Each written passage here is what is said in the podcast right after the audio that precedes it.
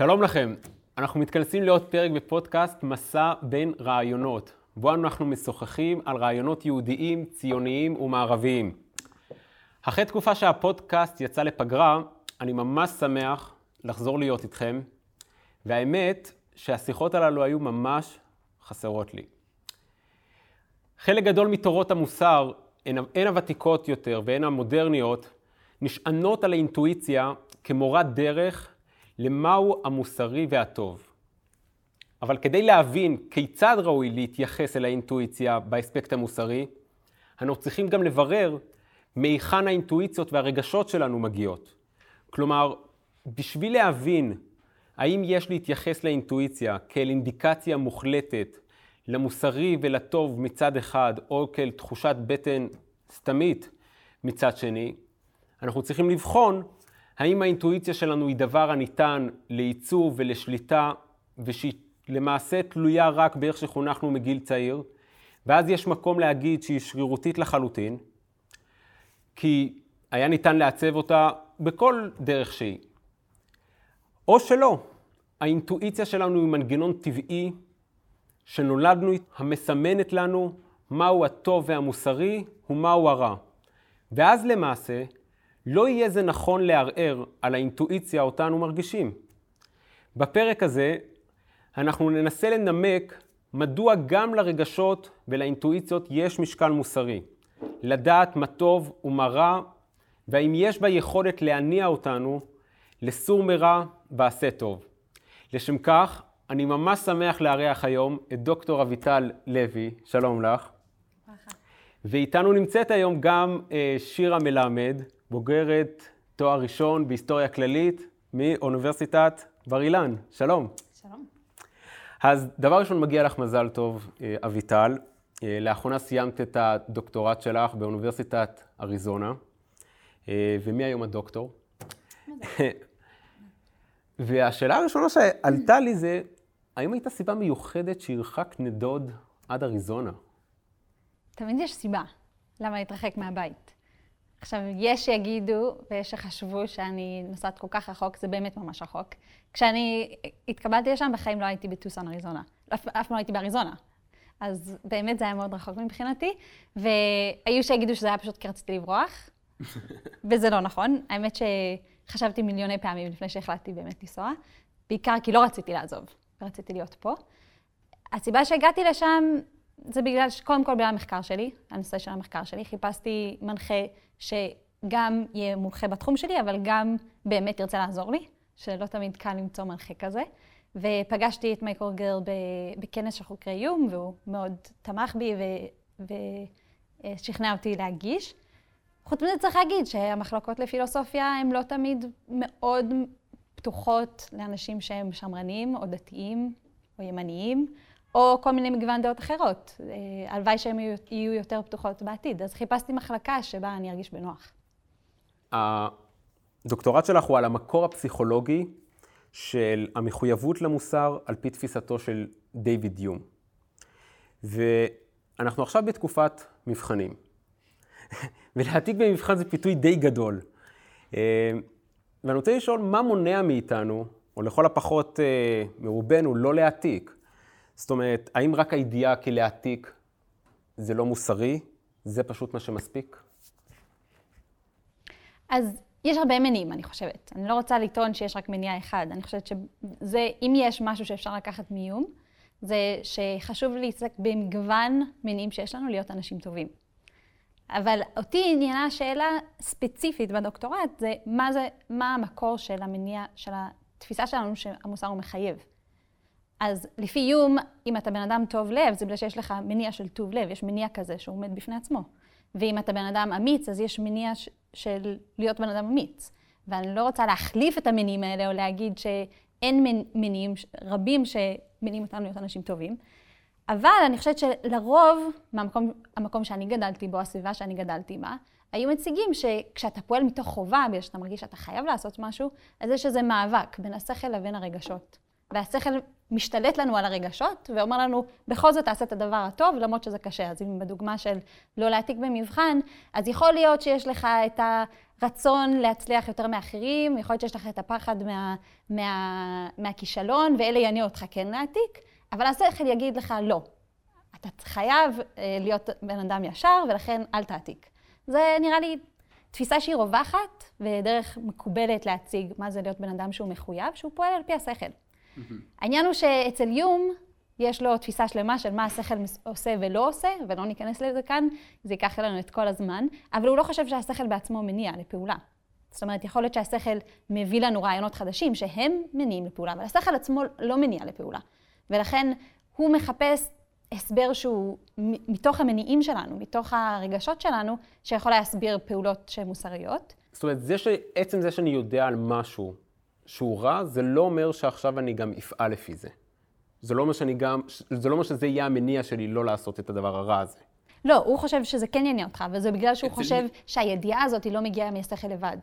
הידיעה הזאת שמשהו טוב מגיע מאיזשהו רגש של אהדה, אהבה, הערכה לדבר הזה, למניע הזה, לסוג הבן אדם שמתנהג בצורה הזאת. אז ההסבר של יום היה שמה זה, מה מחייב אותנו? כן הידיעה של טוב ורע, אבל הידיעה שהיא מבוססת באיזשהו רגש של אהבה או שנאה לפעולה הזאת. Mm-hmm. אז בדוגמה של, של, של הלהעתיק, הוא, הוא יגיד שבאמת יש לך איזשהו אה, תיעוב לבן אדם שהוא מעתיק, שהוא פועל בצורה כזאת שהיא, שהיא לא מוסרית, וזה מניע אותך להתרחק מסוג התנהגויות mm-hmm. כאלה. עכשיו, התשובה, אני ביקרתי את התשובה שלו ונתתי תשובה אחרת, אבל רצ, רציתי לשמר את המסגרת הזאת. רציתי לשמר את המסגרת של לחפש אחרי מניע, שהוא המניע של, של חובה. Mm-hmm. התשובה שלי בסוף הייתה תשובה שונה משלו, כי הרגשתי ש, שהתשובה שלו לא מספיק טובה. אבל רציתי לשמר את הפסיכולוגיה ולשאול, בסדר, איזה תשובה יותר טובה אפשר לתת? Mm-hmm. למה היא לא מספיק טובה בעצם? אז בעיניי זה נכון שהשיפוט בין טוב לרע הוא באמת מניע לפעולה, ואני חושבת שאני הסכמתי עם איום שהוא מגיע מרגשות. יש רגע של אהדה, שאנחנו באמת מעריכים בן אדם שהוא בן אדם טוב לב או אמיץ, ובאמת יש לנו סלידה מלגרום... אה, אה, כאב לבן אדם חסר ישע, לדוגמה. באמת יש לנו תיעוב לדבר הזה, יש לנו תחושה של סלידה מזה. אבל העניין הוא שהאהדה והסלידה האלה, הם משמשים במגוון מאוד מאוד מאוד רחב של אה, שיפוטים. ויום אומר את זה בעצמו. מאוד חשוב לו להדגיש שאנחנו יכולים לשפוט בן אדם שחי לפני מיליון שנה, אנחנו יכולים לשפוט בן אדם שבחיים לא פגשנו, אנחנו יכולים לשפוט אנשים שאנחנו בעיקר מנסים להיות, להיות בדין ודברים איתם, אבל כל המקרים האלה זה מקרים שבהם אין שום מניע חזק לפעולה. אנחנו לא פועלים לטובת בן אדם שחי לפני מיליון שנה, או לבן אדם שחי במדינה אחרת. אבל אנחנו עדיין מסוגלים לשפוט אותו, אותו טוב או רע. אז למרות שהאיום חושב שה, שטוב ורע הם מניעים לפעולה, אני הייתי אומרת, הם מניעים לפעולה בצורה מאוד מאוד עדינה. Mm-hmm. אבל כשאנחנו מדברים על חובות שיש לבן אדם, כן, אם יש לך חובה לא להעתיק, אם יש לך חובה לטפל באמא שלך שהיא חולה, אם יש לך חובה לשלם מיסים או לשרת בצבא, אנחנו מדברים על דברים שאנחנו מניחים שהחובה הזאת היא גם מניעה אותך לפעולה מסוימת. אנחנו לא מדברים על משהו תיאורטי או משהו שהוא קשור לכל בני אדם, משהו שקשור אליך ואמור להניע אותך לפעולה בחיים שלך. ושם אני אומרת שזה לא יכול להיות שאותו רגש שהוא משמש לשיפוט של כל בני אדם בכל מקום ובכל זמן, הוא גם המניע שהוא מאוד חזק ומניע אותך לפעולה בחיים האישיים שלך. Mm-hmm. אנחנו צריכים מניע אחר שהוא בעצם בא ביחד עם השיפוט בין טוב לרע, ולא את אותו, בדיוק את אותו מניע. מהו הדבר הזה שאת חושבת שיכול להניע אותנו לפעולה?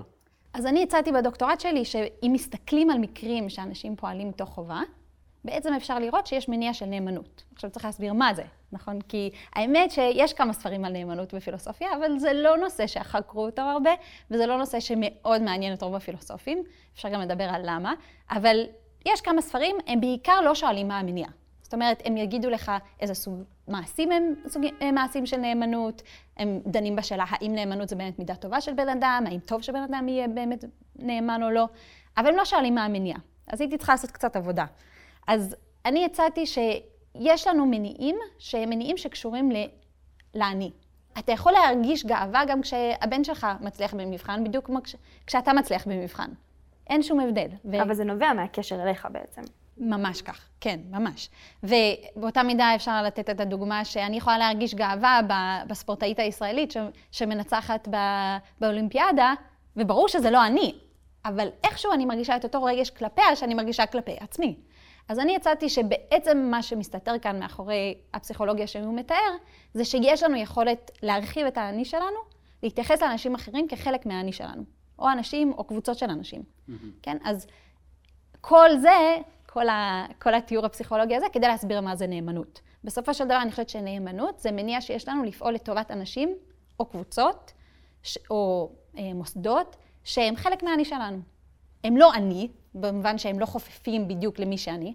יש לנו אולי אינטרסים לפעמים שהם סותרים, אפילו בדרך כלל יש לנו אינטרסים וצרכים שהם לפעמים סותרים, אבל גם הם כן חלק מהאני שלי. אני מרגישה גאווה כשהם מצליחים, אני מרגישה השפלה כשהם, כשהם לא מצליחים, אני מרגישה גאווה כשהם מוסריים טובים, אני מרגישה השפלה כשהם, כשהם ממש לא טובים. בדיוק כמו, כמו שאני מרגישה כלפי עצמי.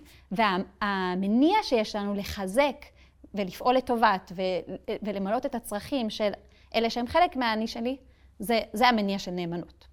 ואני חושבת שאנחנו חיים בחברה שהיא, האמת, מאוד מאוד, בישראל פחות מבשאר מדינות המערב, אבל אני חושבת שעדיין אנחנו נוטים לשם, ובעיניי זו טעות, שאנחנו מחזקים מאוד את המניע של האינטרס האישי. יש, יש אינטרס שאומר, אני רוצה להצליח בקריירה שלי, ואני רוצה לה, שיהיה לי בית גדול, או אני רוצה לה, אמ, שאני אהיה בן אדם עשיר, וככל שאנחנו מחזקים את המניע הזה, זה מניע שהוא מתחרה עם הנאמנות. ובסוף הבן אדם, הוא, הוא מחזק מניעים מסוימים על פי בחירות שהוא עושה, על פי הבחירות שהוא עושה בחיים, וככל שמחזקים מניעים אחרים, אז מחלישים את המניע של נאמנות. אז זה ממש מבוסס פעולות חיוביות, כאילו, למען הבן אדם השני, ולמען, כאילו, זה מה שמבסס בסוף את הקשר נאמנות. זה חייב להיות פעולות אקטיביות חיוביות. זה, המניע של נאמנות גורם לנו לפעול בצורה הזאת, בצורות שהן בעד ולטובת אלה שהם חלק מהאני המורחב שלנו. אני רוצה שנייה לאתגר את זה ולשאול, אנחנו רואים אנשים שהם פועלים בצורה אה, של נאמנות, גם אם הם לא מכירים את אותם אנשים. זאת אומרת, אנחנו רואים אנשים שנותנים צדקה לאנשים שהם לא מכירים, אנשים שתורמים כליה לאנשים שהם לא מכירים. ובאיזה צורה, זאת אומרת, זה מעשים בעצם של נאמנות, הם תורמים להם, אבל הם לא מכירים אותם, אז באיזה צורה האני המורחב שלהם נפגש איתם? אז אני הייתי אומרת שזה לא מעשים של נאמנות. באיום הדרך שהוא מאפיין רגשות, זה נכון שיש איזושהי תחושה לכל רגש. זה נכון שאהבה היא, יש לה תחושה שונה משנאה. זה נכון שלאהבה יש תחושה, תחושה שונה מקנאה. אבל רגשות הם לא מאפיינים רק על ידי התחושה שלהם.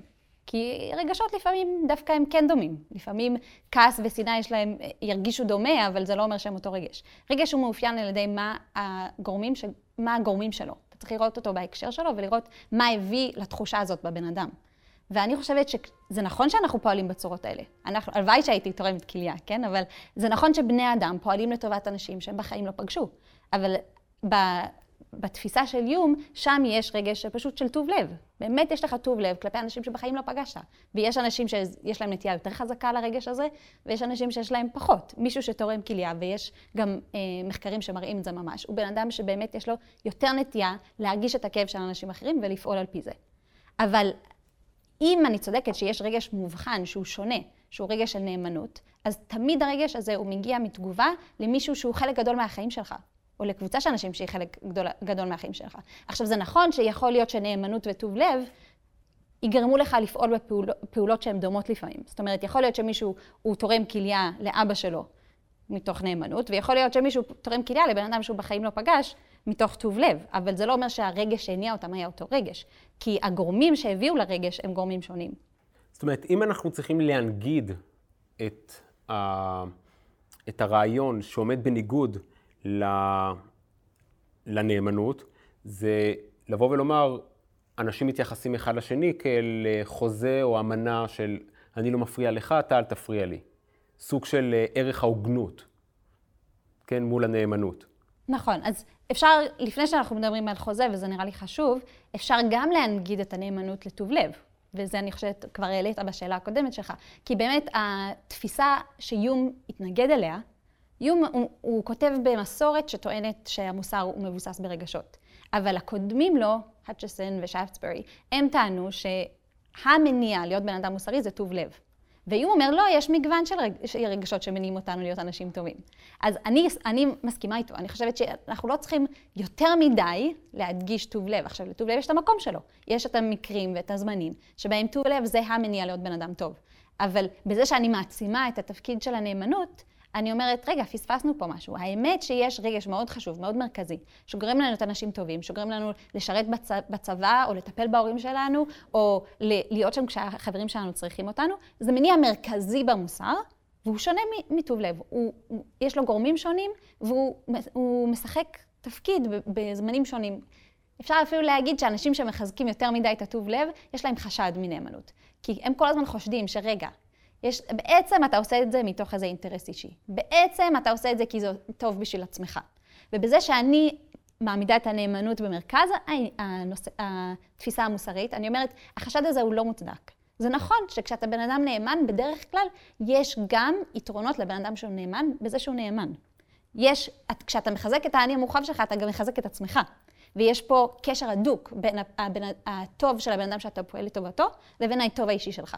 בעיניי זה יתרון ולא חיסרון של התפיסת עולם הזאת. ואני חושבת שצריך לתעדף דווקא תפיסת עולם שרואה טוב כנוצר וכנות... כ... כ... לראות את הטוב כמשהו שצריך לחזק אותו דווקא בהקשרים שבו הוא טוב גם לבן אדם שפועל וגם לבן אדם ש... שהוא ניסה לעזור לו. בדיוק באתי להגיד שאחת הנפקמינות לדילמה הזאת בין טוב לב לנאמנות זה הנצרות. כאילו בתחילת היהדות למשל, כאילו מוסר יהודי זה מאוד נובע מעצמך ואנשים שקשורים אליך ועניי עירך קודמים וכאילו מאוד אדוות כאלה של טוב לב. והנצרות באה ואמרה, באיזה, באיזה הצדקה אתה מעדיף את עצמך, אתה מעדיף את האנשים שקרובים אליך, אתה מעדיף את העם שלך, על פני אנשים אחרים. במה הם שונים? זה כאילו... נכון, והאג'סון וש"ס, הם באמת היו אנשים דתיים מאמינים נוצרים. ואני חושבת שבאמת הם ראו את, ה, את ההסבר שלהם, של המוסר, כנובע מטוב, רק מטוב לב, כמתאים לתפיסה הנוצרית שלהם. זאת אומרת, אני לא אומרת כל הנוצרים חושבים ככה, אבל הם בהחלט האמינו שזה שזה המוסר שהם לומדים מהכתבים, מכתבי הקודש. ואני, כן, אני חושבת שאני מנסה להציע שליהדות יש תפיסה אחרת, שבה טוב לב יש לו את המקום שלו והוא חשוב מאוד, אבל לא כל המוסר מבוסס על טוב לב. ואנחנו בעצם, בעצם, אני חושבת שהתנ"ך מלמד אותנו, והמסורת שלנו, גם המסורת ההלכתית, כמו שאת מצביעה על ההלכות של צדקה, שצריך לחשוב למי אתה צריך להיות טוב לב, וצריך לתעדף אנשים ולתת את הטוב לב שלנו, לתעדף למי אנחנו, לטוב מי אנחנו פועלים, ואחד מהיתרונות של התעדוף הזה הוא גם לשאול בסוף איפה אתה בכל הסיפור הזה, והאם אתה מחזק את עצמך גם, כדי שתוכל להיות בן אדם שנותן יותר. אז עד עכשיו הנגדתי בין טוב לב לבין נאמנות. אבל אני רוצה לחזור לשאלה של, של שמעון, שהוא, שהוא הציע שצריך להנגיד גם בין חוזה לבין נאמנות. נכון. ואני חושבת שזה חשוב. אז יש את הנושא של הנצרות לעומת היהדות, וביהדות די ברור שיש תעדוף, ובעיניי לכן הנאמנות היא חשובה, כחלק מהתפיסה המוסרית של היהדות. אבל היום אנחנו חיים בחברות שבהן פחות שמים את הדגש על טוב לב, לפחות במרחב הציבורי שלנו. אומרים, אולי הטוב לב שלך הוא, ב, הוא בהחלטות המוסריות האישיות שלך, אבל המרחב הציבורי שלנו מנוהל על ידי תפיסה אחרת. הוא מנוהל על ידי תפיסה של חוזה. עכשיו, אתם בטח מכירים, אני לא צריכה לספר לכם, אבל יש, יש את מסורת פוליטית שלמה של תפיסה שאומרת שהמדינה היא מבוססת על חוזה. יש כל מיני, יש כל מיני אנשים יחידים שמתאגדים יחד, מסכימים על איזה, איזה עקרונות צריכים להנחות אותנו בהתנהלות אחד עם השני, וזה אמור להיות טוב לכל אחד מהאנשים שמשתתפים. לא קרוסו. לא קרוסו, הובס, וחשוב להדגיש שבתפיסה הזאת של החוזה, כמו בתפיסה שלי של נאמנות, גם פה יש איזשהו טוב שהבן אדם מקבל לעצמו, נכון? אז אין פה את התפיסה שהבן אדם פשוט צריך לפעול מטוב לב, שיכולה אפילו לגבול על הקרבה עצמית מתישהו. לא. הבן אדם חי במדינה שדורשת ממנו דרישות והקרבות די רציניות, אבל זה בגלל שזה טוב בשביל הבן אדם בעצמו. אז כאן הביקורת שלי היא שונה. כן? לא, זו לא אותה ביקורת שהייתה לי על האצ'סון ושפטסברי, על המודל שלהם של מוסר שמבוסס על טוב לב, אלא פה אני חושבת שהבעיה היא בתפיסה של הבן אדם שנכנס לתוך החוזה. כן? ההנחה שמב... ש... שהיא עומדת בבסיס התפיסה של החוזה, זה שכל בן אדם מודע על ידי, מונע על ידי הטוב האישי שלו. והבעיה שאנחנו מובלים לכאן, וזה כן הביקורת של האצ'סון ושפטסברי בעצמם, הם העבירו ביקורת על אנשים כמו הובס, והם אמרו, אתה מלמד אנשים בעצם להיות אגואיסטים. אתה אומר להם שהמניע העיקרי שלהם, או אצל הובס זה ממש קיצוני, זה המניע היחיד שיכול להיות, זה מניע של טוב אישי, אז אתה בעצם מחזק באנשים כל הזמן את המניע הזה של טוב אישי. עכשיו, התשובה שלהם הייתה, טוב, בוא, בוא, בוא, בוא נחזור לטוב לב הנוצרי, ואני אומרת, לא. התפיסה של הובס ולוק ורוסו, ואני חושבת שאפשר ממש לראות את זה בחברה שאנחנו חיים בה, זה כל הזמן להזכיר לנו ולחזק בנו את הנטייה לחשוב שבעצם המניע היחיד שיש לנו זה מניע של טוב אישי. עכשיו, התשובה של מישהו כמו, כמו האצ'סון זה להגיד, לא, יש עוד מניע, יש מניע של טוב לב. אני רוצה רק להוסיף שאני חושבת שה, שהנבואה הת, התממשה. זאת אומרת, האצ'סון באמת אמר, הוא הדגיש ו, והזהיר אותנו, שחברה שמבוססת על תפיסה רק של חוזה, שאנחנו נכנסים לחוזה רק בגלל שיש לנו איזה טוב אישי, זה בעצם אה, חברה שתחזק באנשים את הנטייה האגואיסטית הזאת. ואני חושבת שהיום אנחנו מתמודדים עם זה. אני באמת חושבת שאנחנו חיים בחברה שבה לאנשים יותר קשה להתחתן, יותר קל להתגרש, יותר קשה להיות נאמנים להורים שלהם, יותר קל אה, לתעדף את העבודה שלהם על פני, על פני הטוב של המשפחה שלהם. כל מיני נטיות כאלה שהן רווחות בחברה כולה, זה לא איזה שיפוט אישי של, שלי של אנשים אחרים. אני חושבת שאני שם עם אנשים אחרים גם. אני חושבת שאנחנו רואים את התוצאות של התפיסה הפילוסופית הזאת. עכשיו, השאלה היא מה לעשות עם זה. יש שיגידו, בסדר, החוזה הוא טוב בפוליטיקה, אבל אנחנו צריכים לחזק את הטוב האישי בחיים, בחיים הבין אישיים שלנו. ואני חושבת שלא, אני חושבת שאנחנו צריכים להכיר בזה שהתפיסת האדם המקורית, שהיא הבסיס לתפיסה של החוזה, זו הייתה טעות. לא צריך לראות את הבן אדם בתור איזה אטום ש, שחי באיזה ואקום, מחל... אה, עושה חישובים של מה הטוב האישי שלו, ולפי זה הוא מחליט לאיזה חוזה, להצטרף. בן אדם נולד לתוך חברה שהיא כבר חלק ממי שהוא. זאת אומרת, בן אדם נולד לתוך משפחה, לתוך, אה, לתוך שבט אולי בזמנים אחרים, היום לתוך מדינה, הרבה פעמים לתוך קהילה. הוא נולד לתוך מסורת של, אה, של השגת ידע. בן אדם נולד לתוך כל המערכות האלה, והשאלה היא איך הוא מגיב אליהן. עכשיו, יש לו יכולת לשפוט בין טוב לרע. זה מה שהיום כל הזמן מדגיש. אתה לא צריך להיות נגרר אחרי הדעות של אנשים אחרים. אבל לחשוב שאתה עושה איזשהו אה, חישוב שהוא רק אינטרסנטי לגבי מה טוב ורע, ולפי זה אתה מחליט מה צריכים להיות החוקים בחברה, בעיניי זה פשוט טעות. אני חושבת שבאמת מה שקורה זה שאנחנו מסוגלים לשפוט בין טוב לרע בתוך כל המערכות האלה, בגלל שאנחנו חושבים מה טוב גם לי, אבל גם לאנשים אחרים, גם לאנשים שהם חלק מהמערכת הזאת איתי. מה טוב למשפחה שלי, מה טוב לקהילה שלי, מה טוב לכל האנשים שחיים במדינה שלי. ומה שמדאיג אותי, ככל שאני יותר ויותר שומעת את הדרישות לזכויות, או את הדרישות לכל מיני הטבות למגזרים מסוימים, זה מגיע מכל הכיוונים, מכל הצדדים של הקשת הפוליטית. בעיניי זה רק מחזק בנו את המחשבה שאנחנו רק באמת מסוגלים לשפוט מה טוב ורע לי אישית, או לאנשים שהם מאוד מאוד דומים לי.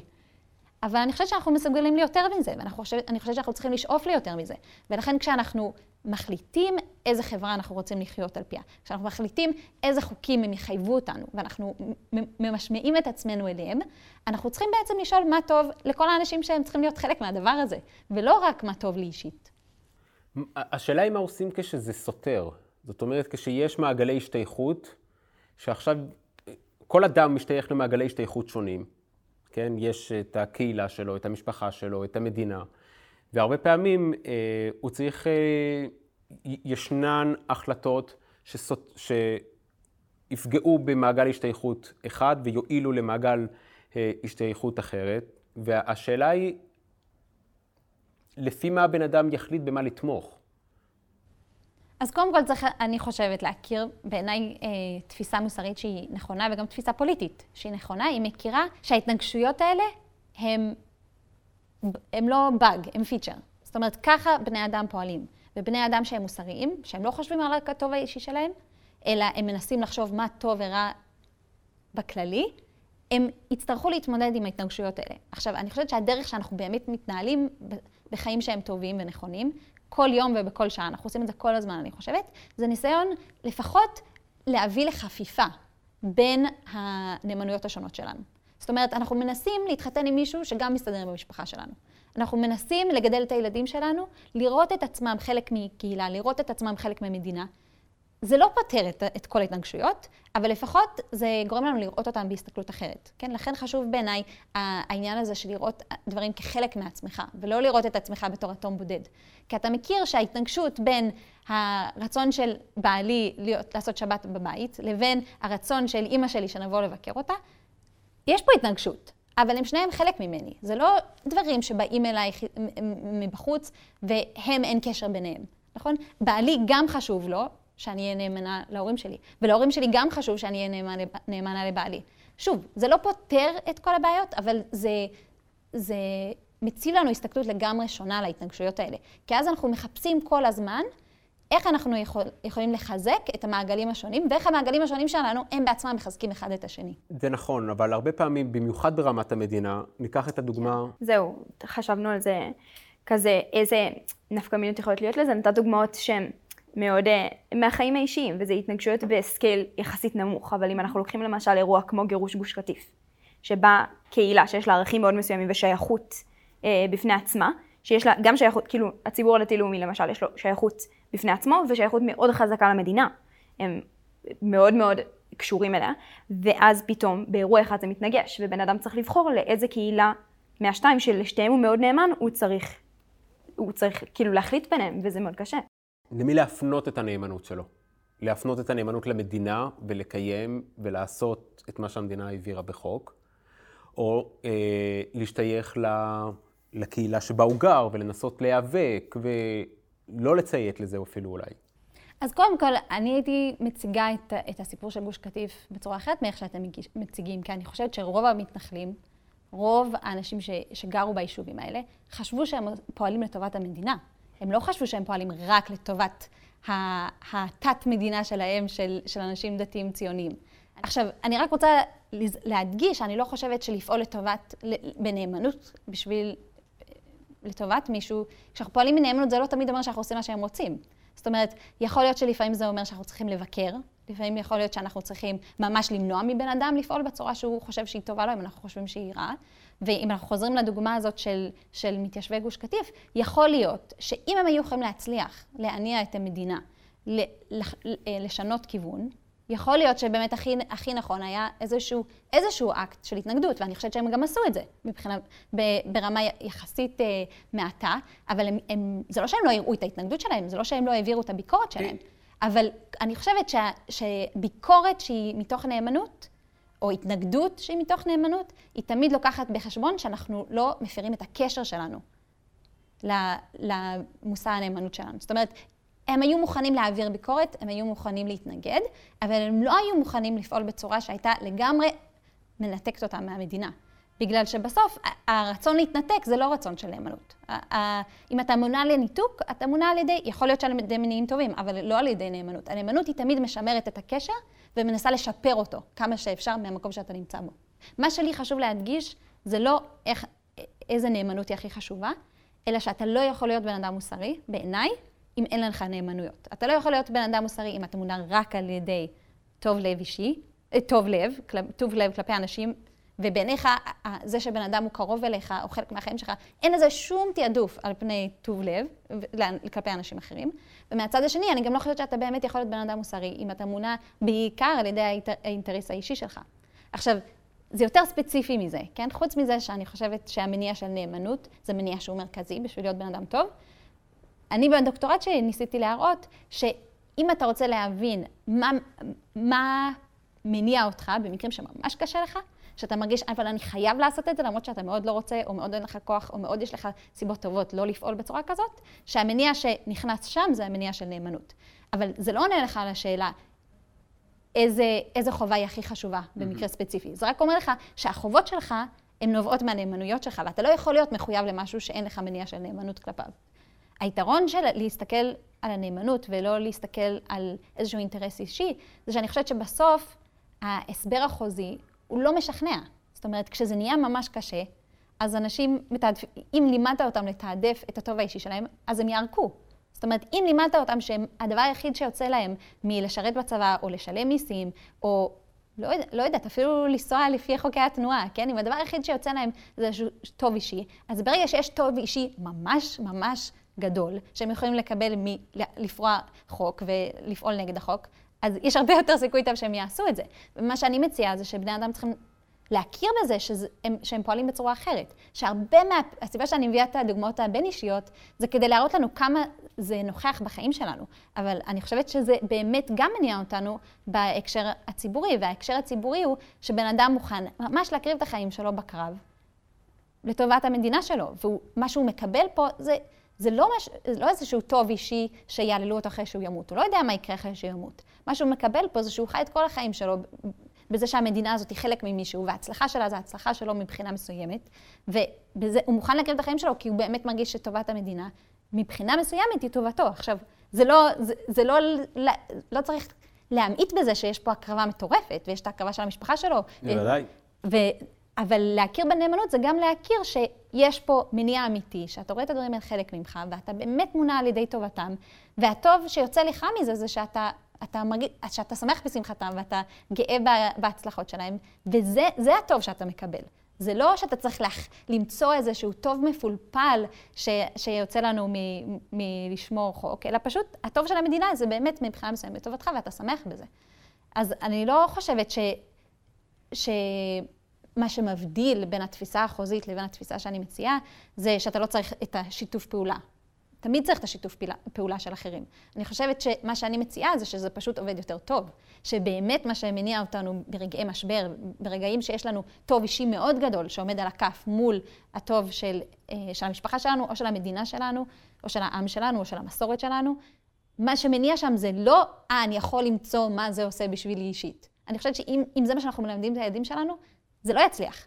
הם לא יצליחו להחזיק אה, זוגיות כשזה יהיה ממש קשה, כשזה ידרוש מהם הקרבות, אם אמרנו להם כל מה שיש זה טוב אישי. והם לא יצליחו לשרת בצבא, והם לא יצליחו אה, לשמור חוק במדינה, אם זה מה שאנחנו מלמדים אותם. כי מה שבאמת מניע שם זה נאמנית, נאמנות למשפחה שלנו, נאמנות לעם שלנו, נאמנות למדינה שלנו, וזה מניע בפני עצמו. ואם אנחנו מכירים בו ורואים את, ה, את התוצאות הטובות של להיות בן אדם שפועל בצורה הזאת, אז אנחנו יכולים להבין למה לחזק את המניע הזה באנשים, ו, ובאמת אפשר להצליח לגרום לאנשים לפ...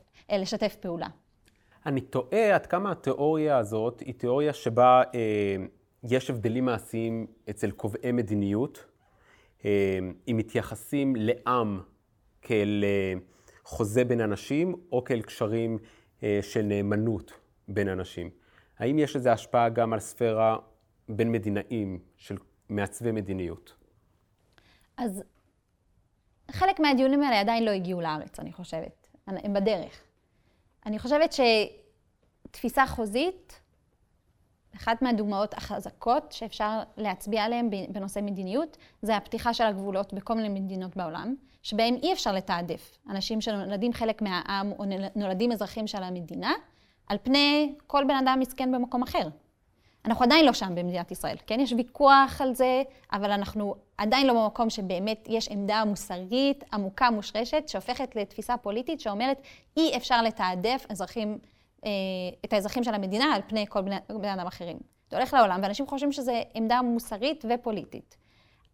עמדה שאומרת שהכל מבוסס על חוזה, וכל בן אדם חושב על הטוב האישי שלו, וכל מה שהוא צריך לעשות כדי להיות חלק מהמדינה זה לחתום על החוזה הזה, באמת אין שום הצדקה אה, עקרונית להבדיל בין האנשים שנולדים אזרחים למדינה הזאת לבין אנשים שרוצים להצטרף, אבל רוצים לחתום על החוזה. אולי אפשר לדון בשאלה איך אתה בודק את זה, ולבדוק את, ה, את הנכונות של הבן אדם, אבל זה כל מה שיש.